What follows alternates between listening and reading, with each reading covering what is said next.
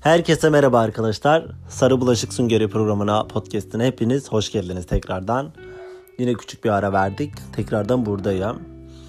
Ee, podcastimi düzenlemeyi yani düzenli bir şekilde bir tarihe koymayı çok istiyorum. Yani şöyle e, atıyorum her hafta pazar günü ya da haftada iki kez gibi bir düzenli bir tarihe koymayı çok istiyorum. Ancak e, hayatımda henüz düzene oturmamış çok şey olduğu için bunu düzenli bir hale getiremiyorum. Çünkü gerçekten hala konaklamam kesin değil. Yani burada devamlı kalıp kal- kalamayacağımı bilmiyorum. İş yerim, okulum falan bisiklet kullanıp gidip geliyorum falan vaktim kalmıyor bana. Bu aralar kısıtlama getiriliyor.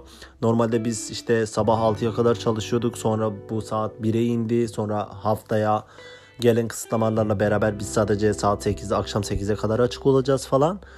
Derken her şey çok karma karışık gerçekten. Hala hiçbir şekilde bir düzenim oturamadı. Ee, hayatında bir düzen olmayınca da bir rutinin olmayınca da dolayısıyla yaptığın şeyleri de yaptığın içerikleri de bir e, rutine oturtamıyorsun.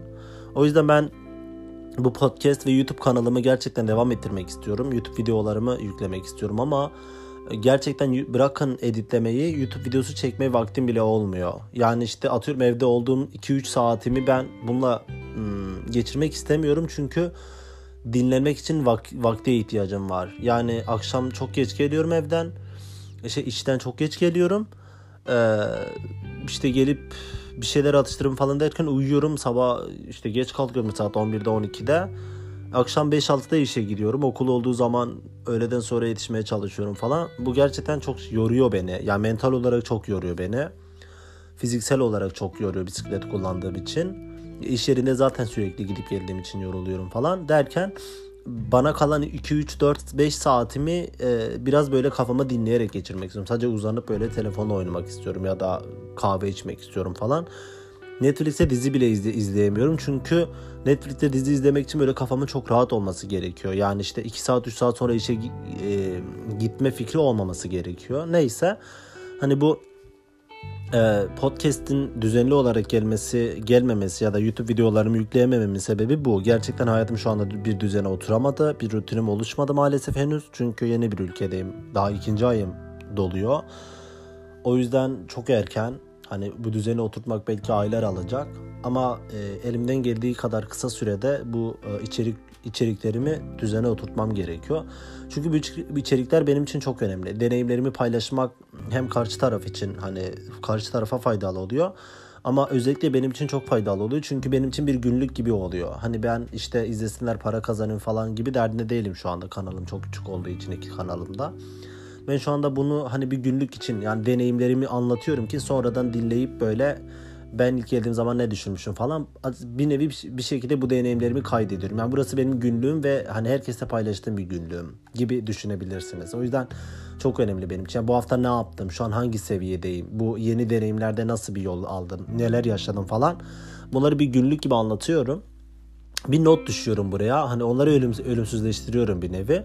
Daha sonra işte 10 yıl 20 yıl sonra açıp Spotify'da bu podcast'imi dinlediğim zaman ya işte o zamanlar şöyleymişim böyleymişim diye hatırlamak için çok önemli bir şey. Hem de karşı tarafta çok faydalı oluyor. Yani dinleyen arkadaşlarım işte gelmek isteyen arkadaşlar soru soruyorlar. Bir şekilde insanlarla tanışıyoruz falan. Bu noktada çok faydalı oluyor. Ee, bu arada buradan e, Onur'a çok selam söylemek istiyorum. Az önce bana işte bir şey sor, bir soru sordu. Onu cevaplayayım. Bir de Onur'un adına podcast'te söylemek istiyorum. Ünlü olmak istiyor. Benim podcast'imi milyonlar dinlediği için hani Onur'u söylemek istiyorum. Onur, İzmir'den Onur'a selamlar. Ve Onur'un sorduğu bir soru vardı. İrlanda'ya gelmenin başka bir yolu var mı böyle legal yolların dışında? Burada Onur'a özel bir tavsiye vermek istiyorum. Ee, bankadan kredi çekebilirsin e, gelip burada ödemeyebilirsin. yani şöyle İrlanda'ya gelmek için e, hesabında göstermen gereken 7000 euroyu kredi olarak çekip hesabına gösterdikten sonra istersen kredi geri yatırabilirsin. İstersen krediyi çekip buraya gelebilirsin. Daha sonradan yatırmayıp borç olarak da üstüne alabilirsin. Böyle bir de yol da var. E, o çektiğin kredi hesabında şey olarak da gösterebilirsin e, altın yatırımı diye gösterebilirsin. E, tanıdığın bir kuyumcudan altın sözleşmesi imzalayıp bu şekilde yapabilirsin. Bu şekilde yapan çok kişi var. Bu da çok kolay bir yol. Yani 7000 euro hesabında göstermen gerekiyor İrlanda vizesi alabilmek için. O 7000 euroyu birçok kişi bu şekilde hallediyor. Bu da bir dipnot olsun Onur için. Neyse. E, konuya girelim artık. Şimdi bugünkü podcastimizin konusu İrlanda LGBT artılar ve kadın artılar için güvenli bir yer mi? Ve hani Türkiye'den gelmek isteyen LGBT artı ve kadın artılar burada mutlu olacaklar mı? Güvenli olacak mı? Olacaklar mı? Safe zone olacak mı? Ve LGBT artı friendly bir ülke mi? Bu bunları konuşmak istiyorum biraz. Bu konu çok çok çok çok önemli. Neden? Çünkü e, İrlanda'ya gelmek istediğiniz zaman e, başvurduğunuz ilk yer sosyal medya ve bu da birinci basamakta YouTube oldu. YouTube videoları oluyor. YouTube videolarını çekenler de hep Türk insanlar, İrlanda'daki Türkler. Bunlardaki videolar videolar izliyorsunuz ve bu e, deneyimlerden faydalanıp bir şekilde fikir elde ediyorsunuz. Ve bu videoların %99.9.9'u e, siz hetero erkekler tarafından en azından bizim bildiğimiz kadarıyla çünkü kimliğini belli eden bir LGBT artı göremedik. Siz hetero erkekler ve siz hetero kadınlar tarafından çekiliyor. Yani bize bize verdikleri vibe bu. Dolayısıyla e, Türkiye'den gelmek isteyen LGBT artılar e, kendi kafalarındaki soruların cevaplarını bulamıyorlar. Yani işte LGBT artılar için güvenli bir ülke mi diye ben mesela ben de e, Türkiye'den gelmeden önce bir buçuk yıl vize bekleme sürecinde özellikle vizeye baş, başvurmadan iki ay önce yaklaşık iki yıl boyunca ben e, İrlanda'daki YouTube kanallarının hepsini takip edip neredeyse bütün İrlanda ile ilgili videoları izlemişimdir.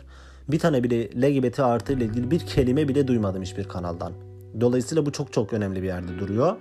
İrlanda'ya gelmek isteyen LGBT artılar için çok önemli bir podcast bu bence. Ve kadınlar için. Kadınlar tabii ki de şeylerde var YouTube kanallarında ama e, buraya gelen Türklerin YouTube kanallarına bahsettikleri işte şeyler tek işte GNI, PPS, konaklama, okul, iş. Bu kadar. Yani herkes aynı şeyden bahsediyor. Hep para, ekonomi. Ama bunun bundan çok çok önemli bir şey daha var. Yaşam standartının üstünde daha önemli bir şey var.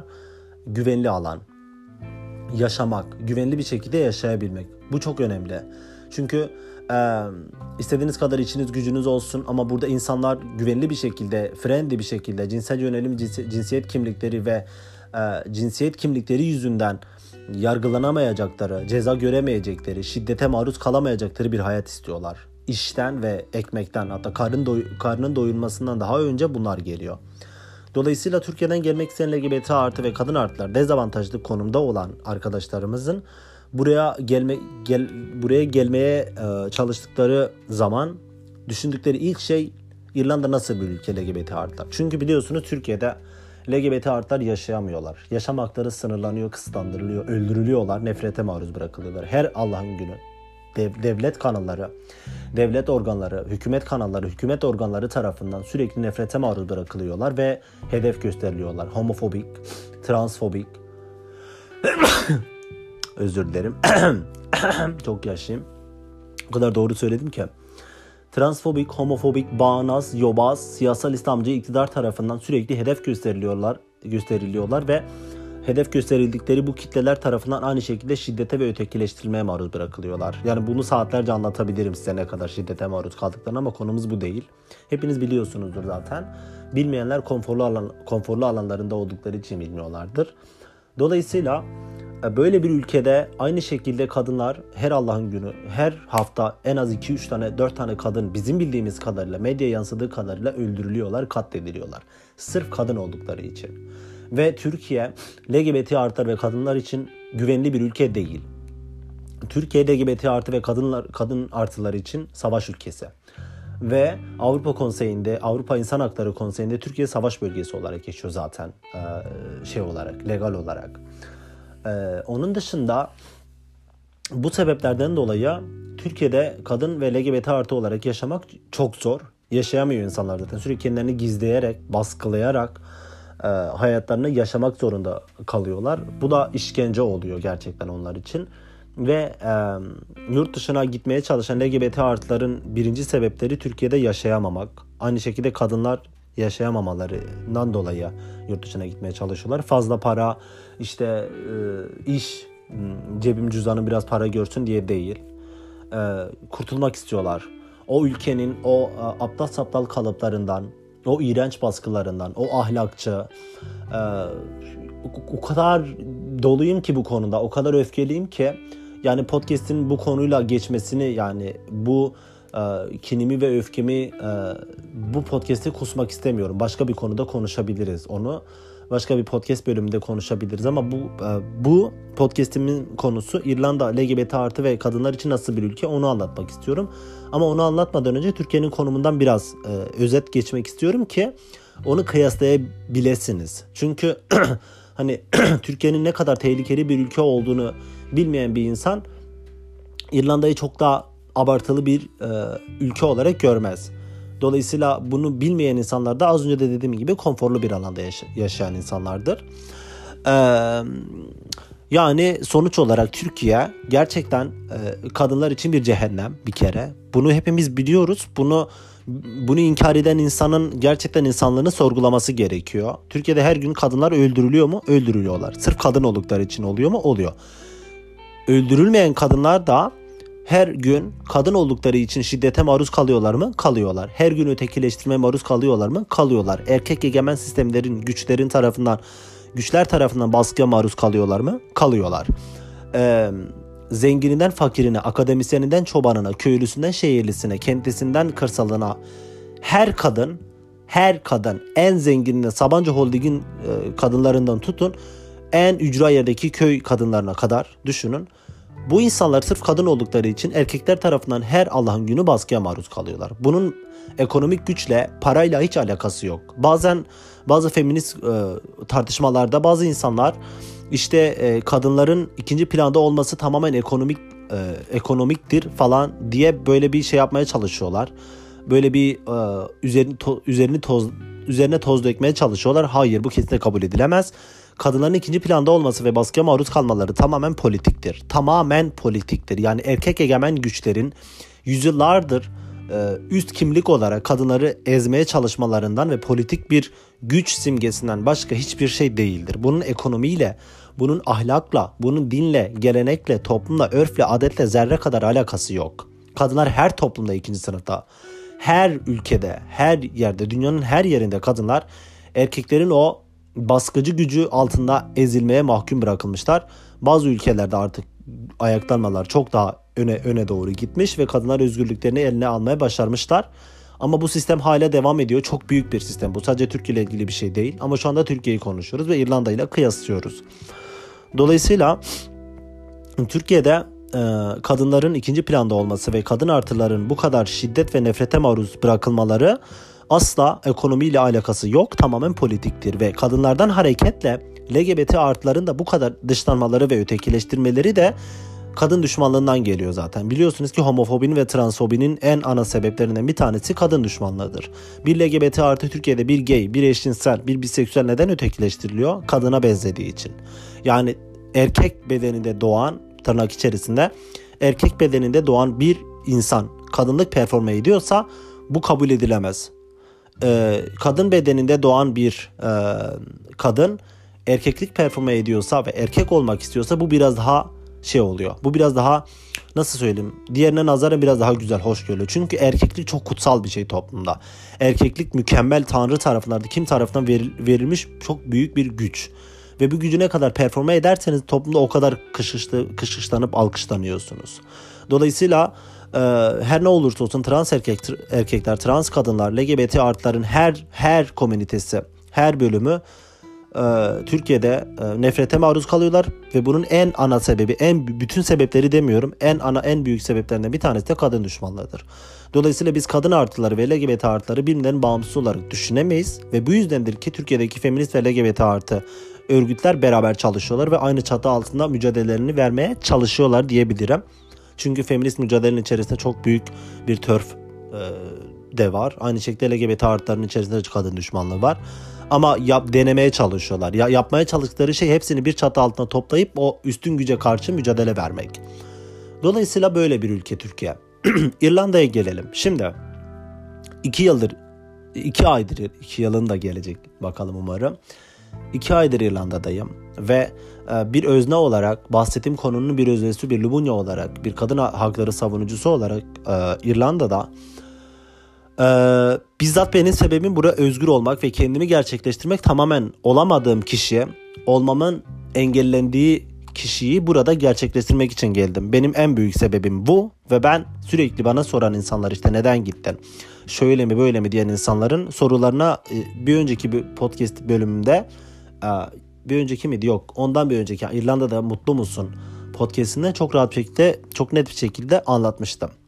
Benim buraya geliş sebebim çok fazla para kazanma, konforlu alana sahip olmak falan değil. Ben o ülkede yaşayamadığım için bu ülkeye geldim. Kaçtım o ülkeden. Bu çok net ve bunu kabulleniyorum. Ve aslında bundan gocunmuyorum. Evet ben o ülkeden, o cehennemden kaçtım. Hiçbir şekilde ben olmama izin verilmediği için, varoluşum sürekli e, tehlike altında olduğu için e, of bir bilaço gördüm de bu tutar neyse camdan gördüm de. Ee, ben olmama izin verilmediği için o ülkeden kaçtım buraya geldim. Dolayısıyla e, kaçma sebebim zaten bu olduğu için buraya geldiğim zaman o gözlemi, gözlemi yapabilmek çok rahat. Yani çok daha kolay benim için. Şimdi burası birinci ilk olarak arkadaşlar aşırı derecede LGBT artı friendly bir ülke. İrlanda biliyorsunuz ki 2015'te referandumla Avrupa'da ilk olarak eşcinsel evliliği yasallaştıran ülkedir. Ve referanduma gidip birden bu kadar katolik bir ülkenin e, evlilik eşitliğine gitmesi ve kazanılması ve bu kadar birden şeye dönmesi, dönüşmesi, LGBT friendly bir ülkeye dönüşmesine İrlandalılar bile alışık değiller henüz ve çünkü onun etkisi hala devam ediyor.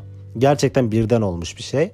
İrlanda'nın yapısı çok katolik bir yapı. Yani katolik bir e, yani Türkiye'de nasıl Müslüman çoğunluklu bir e, yapı varsa İrlanda'da katolik yani Hristiyan katolik e, çoğunluklu bir yapı var.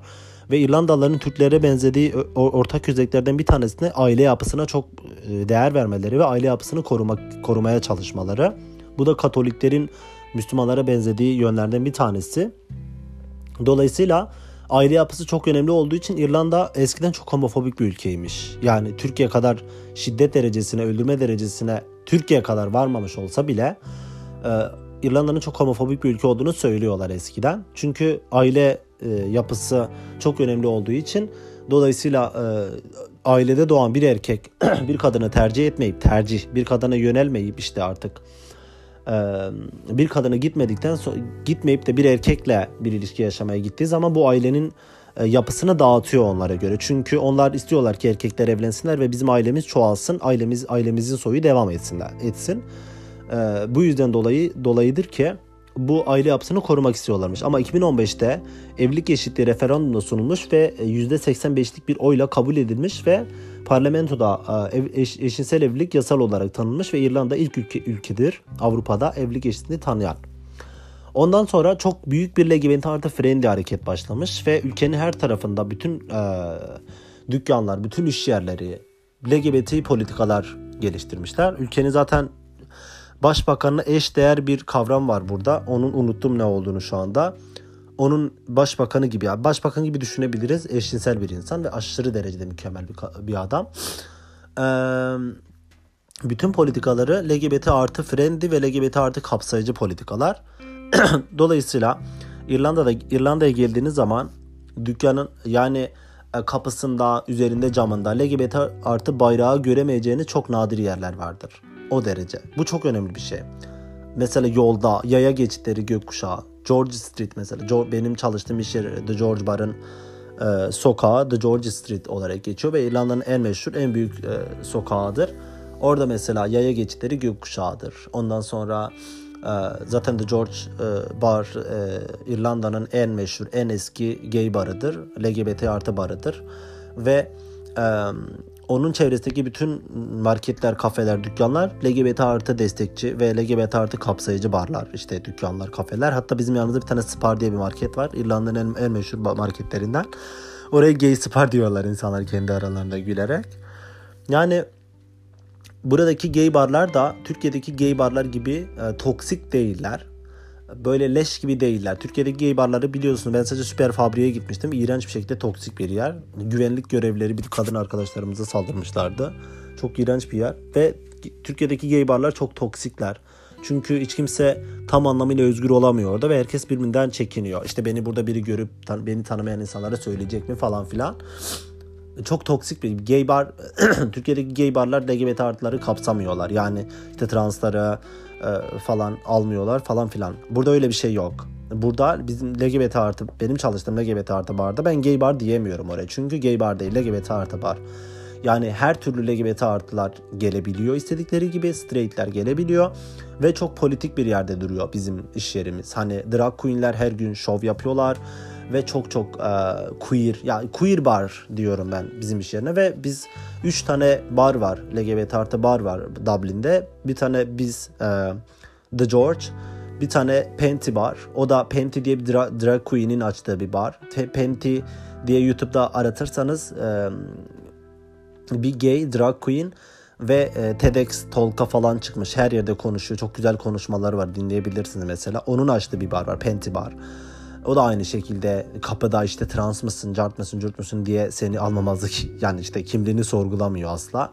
Bir de 66 diye bir bar var. O da lezbiyen bar olarak geçiyor gene de ama yine herkes aynı şekilde gidebiliyor. O da çok güzel queer bir bar.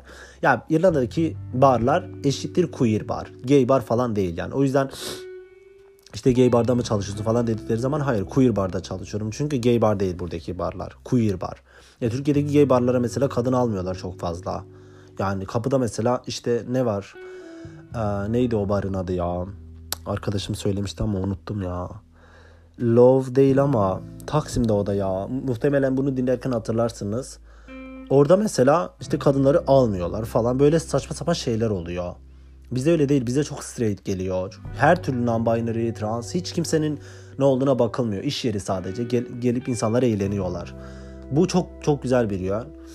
Onun dışında bütün iş yerleri straight olsun olmasın bütün iş yerleri LGBT artıları çalıştırıyorlar ve LGBT artılara gerçekten aynı şekilde eşit mu- mu- muamele ediyorlar. Bu çok önemli bir yerde duruyor.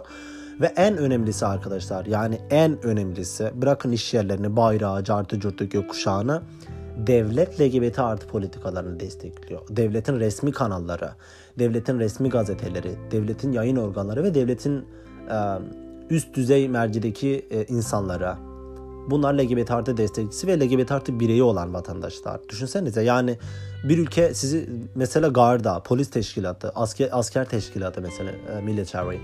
Bunlar LGBT artı destekçisi ve LGBT artı insanlar. Daha ne olabilir ki? Bir ülkede sizi yasal olarak koruyan bir güvence varsa istediği kadar homofobik insan olsun. Ülke, devlet, hükümet sizi koruyorsa hükümet sizi bir insanın nefret söyleminden, nefretinden, şiddetinden koruyorsa siz zaten güven, güvendesiniz o ülkede. Türkiye'de en büyük problem homofobik insanların, Müslüman insanların olması değil. Türkiye'deki LGBT artların ve kadınların problemi hükümetin korumaması, politik olması. Yani Türkiye'deki homofobi ya da diğer şeyler kadın düşmanlığı bireysel, kişisel değil. Bireysel suçlar şeye giremiyor. Politik suçlara giriyor. Çünkü hükümet, polis, devlet adamları işte AKP, Erdoğan, Süleyman Soylu bütün bu AKP'nin bileşenleri, bütün işte başbakan, cumhurbaşkanı, bütün AK Parti'nin bileşenleri kadınından erkeğine tutan hepsi homofobik oldukları için ve polis teşkilatının hepsi leş gibi homofobik dolu olduğu için Türkiye'nin emniyet güçleri hepsi polit, homofobik oldukları için, transfobik oldukları için ve bir vatandaş olarak korumaya en çok ihtiyacınız olan, sizi korumasına en çok ihtiyacınız olan güçlere kendinizi sığındırdığınız zaman en büyük homofobi homofobi onlar size gösterdikleri zaman doğal olarak kendinizi asla güvende hissedemezsiniz ve bu da politik oluyor. o yüzden burada öyle bir şey yok. Burada burada homofobi yok mu? Var. Homofobik insanlar yok mudur? Vardır. İlla ki vardır. Homofobi hiçbir yerde bitiremezsiniz. Transfobi hiçbir yerde bitiremezsiniz. Ama burada şu şöyle bir fark var. Bir insan size homofobi gösterdiği zaman ya da size homofobik bir tavır ya da transfobik bir tavır ya da kadın düşmanlı bir hareket gösterdiği zaman onu şikayet edip hakkınızı arayabileceğiniz bir mecra var. Sizi koruyabilecek bir güç var. Sizi koruyup kollayacak, kucaklayacak bir güç var. En büyük problem bu zaten. Türkiye'de bu yok. Bu yüzden İrlanda çok güvenli LGBT artılar için ve kadınlar için. Ve ben mesela saat 1.30'da 2'de çıkıyorum. Gece 2'de çıkıyorum işte. Bazen sabah 6'da 7'de 7'ye doğru eve gidiyorum. Sabahları. Gece yarısı yani. Bisikletle geliyorum. Dün mesela ne oldu biliyor musunuz? Dün saat 2 1.30'da, gece 1.30'da İşten çıktım bisiklete bindim eve geliyorum. Yolda e, çok ücra e, ücra değil ama hani hiç kimse yok. Herkes uyuyor. Trafik çok hiç yok neredeyse. Arada bir taksiler gidip geliyor. Bir de ben. Yol bomboş. Böyle bisiklete gidiyorum yavaş yavaş. e, tek başına yürüyen bir kız gördüm. Ve aklıma şey geldi. Durdum kızın yanında merhaba dedim falan nerelisin işte İrlandalıyım falan dedi kız, kız dedi kıza dedim. İşte kıza dedim işte endişelenmene gerek ben de bunyayım falan filan bunları açıkladım hani korkmasın diye. Kız çok tatlı böyle konuştuk falan dedim ki ona bir şey sana bir şey anlatmak istiyorum dedim. Tabii ki dedi. Dedim şu anda saat bir buçuk ve sen yürüyorsun ya bu sokakta dedim. Evet dedi. Dedim ki ben Türkiye'den geliyorum dedim. Türkiye'de bir kadın dedim bırak bir buçukta gece saat 10'dan sonra evde böyle bir ıssız bir sokakta tek başına hasta yürüyemez dedim. Ve muhtemelen %50 %60 ya tacize ya tecavüze ya da öldürülmeye maruz bırakılır. Söylediğimde kız şok oldu. Yani gecenin bu saatinde bunu duyduğuma çok çok üzgünüm. Ben çok özür dilerim kıza. Böyle bir şey niye sana söyledim falan dedim öyle. Yok dedi çok çok teşekkür ederim söylediğin için. Ben hani çok üzüldüm bunu duyduğuma. Çok şok oldu kız dedi. Neden yani dedi. Ben şu an burada yürüyorum dedi. Hiç kimse yok. Kimse gelip bana bir şey yapamaz. Ben normal vatandaşlarla aynıyım falan dedim öyle. Ben sadece bunu söylemek istedim sana falan. Sonra kızların Instagram'ımızı falan aldık. Arkadaş olduk yani bu vesileyle. Kıza bunu söyledim. Dedim ki yani Türkiye dedim şu an saat bir buçuk dedim şu an burada. Türkiye dedim saat bir buçukta senin gibi genç bir kız saat 20 yaşlarında falan kız. 20 yaşında bir kız bu sokakta. Ve böyle evlerin arasında çok ıssız bir sokaktı gerçekten. Ben bile bazen bisikletle yürürken bisikletle o sokaklardan geçerken korkuyorum ister istemez. Hiç kimse yok. Korkuyorum yani. Ben ergenler falan çıkıp bana bir şey yapıp işte bir şeyler atarlar falan diye benim korkum bu. O Türkiye'deki korku hala üzerimde var. O kadın mesela kız Yürüyor çok rahat bir şekilde yürüyordu yani. Normal evine gidiyordu. Bunu söylediğimde şok oldu yani. Ben bunu hiç bilmiyordum. Ben Türkiye'yi çok güzel bir ülke olarak biliyordum. Herkesin oraya tatil edip işte gidip tatile çok ucuz ucuz bir ülke Kuşadası falan diye biliyordum. Anlattım ona ve ben burada geldiğimden beri iki aydır neredeyse bine yakın insanla tanışmışımdır abartısız. İrlandalı bir sürü insanla tanışmışımdır. Ve tanıştığım zaman Türkiye'li olduğumu söylediğim zaman ee, adımdan sonra söylediğim ilk şey Türkiye'nin ne kadar LGBT artı fobik ve kadın düşmanı bir ülke olduğunu çok net bir şekilde söylüyorum ve ona göre iletişime devam ediyorum insanlarla. Çünkü ben bunu bir görev olarak sayıyorum. Ya bunu bırakmam gerekiyor mu? Gerekiyor belki zamanla ama e, buradaki insanların Türkiye hakkında bu kadar güzel düşünmelerini istemiyorum. Zoruma gidiyor. Çünkü o kadar güzel bir ülke değil. Ben size söylüyor mesela nerelisin diyorlar. E, işte Türkiye'liyim diyorum e, Türk müsün diyorlar. Hayır Türk değilim Kürdüm diyorum. İşte Kürt ne demek diye bir sürü soran insan var barda. Ben diyorum ki mesela işte İrlandalılar bazen soruyor onları göt ediyorum. Diyor ki mesela nerelisin diyor e, işte nerelisin I'm from Turkey diyorum işte. E, oh are you Turkish işte Turkish hot e, ne kadar seksi bir Türk erkeği falan diyorlar böyle. Türk değilim diyorum Kürdüm ben. İşte ne fark eder falan diyorlar. Hayır diyorum işte Kürt ayrı, Türk ayrı, ayrı ırklar diyorum bunlar. Ve Kürtler Türkiye'de ne kadar ırkçılığa maruz kalıyorlar, ne kadar devlet, e, hükümet tarafından öldürülüyorlar falan onu da söylüyorum. Ve e, bazıları diretiyorlar. Hani işte ne fark eder falan. Onlara diyorum ki şimdi diyorum ki hani e, Kuzey İrlandalılar İrlandalı ya Onları British diyebilir miyiz? Hayır kesin onlar İrlandalı diyorlar. Aynı şey diyorum o zaman. Ne, ne, sen mesela İrlandalısın sana ben İngil, İngiliz diyor muyum İngilizce konuştuğun için? Hayır diyorlar. O zaman dank ediyor ve anlıyorlar özür diliyorlar. Ve bu benim için çok önemli bir şey. Ev sahibim bazen yanlışlıkla bana Türk iş diyor. Hayır diyor ben Kürt iş. Aa özür dilerim falan Kürt iş diyor. Bu çok önemli bir şey benim. Politik bir kavram. Ya ben Türk değilim. Bana Türk denmesine hoşlanmıyorum. Ben onlara ırklar umurumda değil. Ama Türkiye'de ben Kürt olduğum için yıllarca ötekileştirildiğim için bu kimliğimi korumak zorundayım. Dolayısıyla siz burada e, İrlandalılar olarak kendinize nasıl ki e, İngiliz, British demesini kabul etmiyorsanız ben de kendime Türk iş demesini kabul etmiyorum. Bu kadar basit bir şey. Ben burada tanı, tanıştığım bütün Türklere de aynı şeyi söylüyorum. Aynı şeyi Türklere söylüyorum ve bazı Türkler gerçekten soğuyup böyle şey göt oluyorlar yani. Çünkü soruyor bana nerelisin işte Türkiye'li, Türkiye misin? Evet Türk müsün diyorlar. Hayır Türk, Türkiye'liyim sadece ne fark eder diyorum. Kürdüm diyorum işte ne fark eder kardeşiz diyorlar. Hayır kardeş falan değiliz. Kusura bakma yani. İşte kardeş falan değiliz. Bir kere ben cinsiyet, cinsel yönelim ve varoluşumdan dolayı senden farklıyım ve senin gibi senin aynı konumda bulunan insanlardan dolayı yaşamadığım için geldim buraya. İkinci olarak da ben ırkımdan dolayı seninle aynı konumda bulunan insanlar tarafından ötekileştirildiğim için buraya girdim. Ve ben bu bu bu, bu benim bu benim gerçekten kırmızı noktam. Kırmızı çizgim. Ben, ben bu çizgiyi belli ediyorum. Bu çizgiden sonra benimle devam iletişime devam etmek isteyenler eder etmeniz etmek istemeyen bay bay. Hiç umurumda bile değil. Bu benim politik olarak duruşum. Buna nasıl taviz vermiyorum. Dolayısıyla toparlayacak olursak yani İrlanda'nın LGBT artı friendly bir ülke olduğunu anlatacak çok çok konu, çok çok örnek var. Onu ilerideki podcastlerde araya serpiştiririm.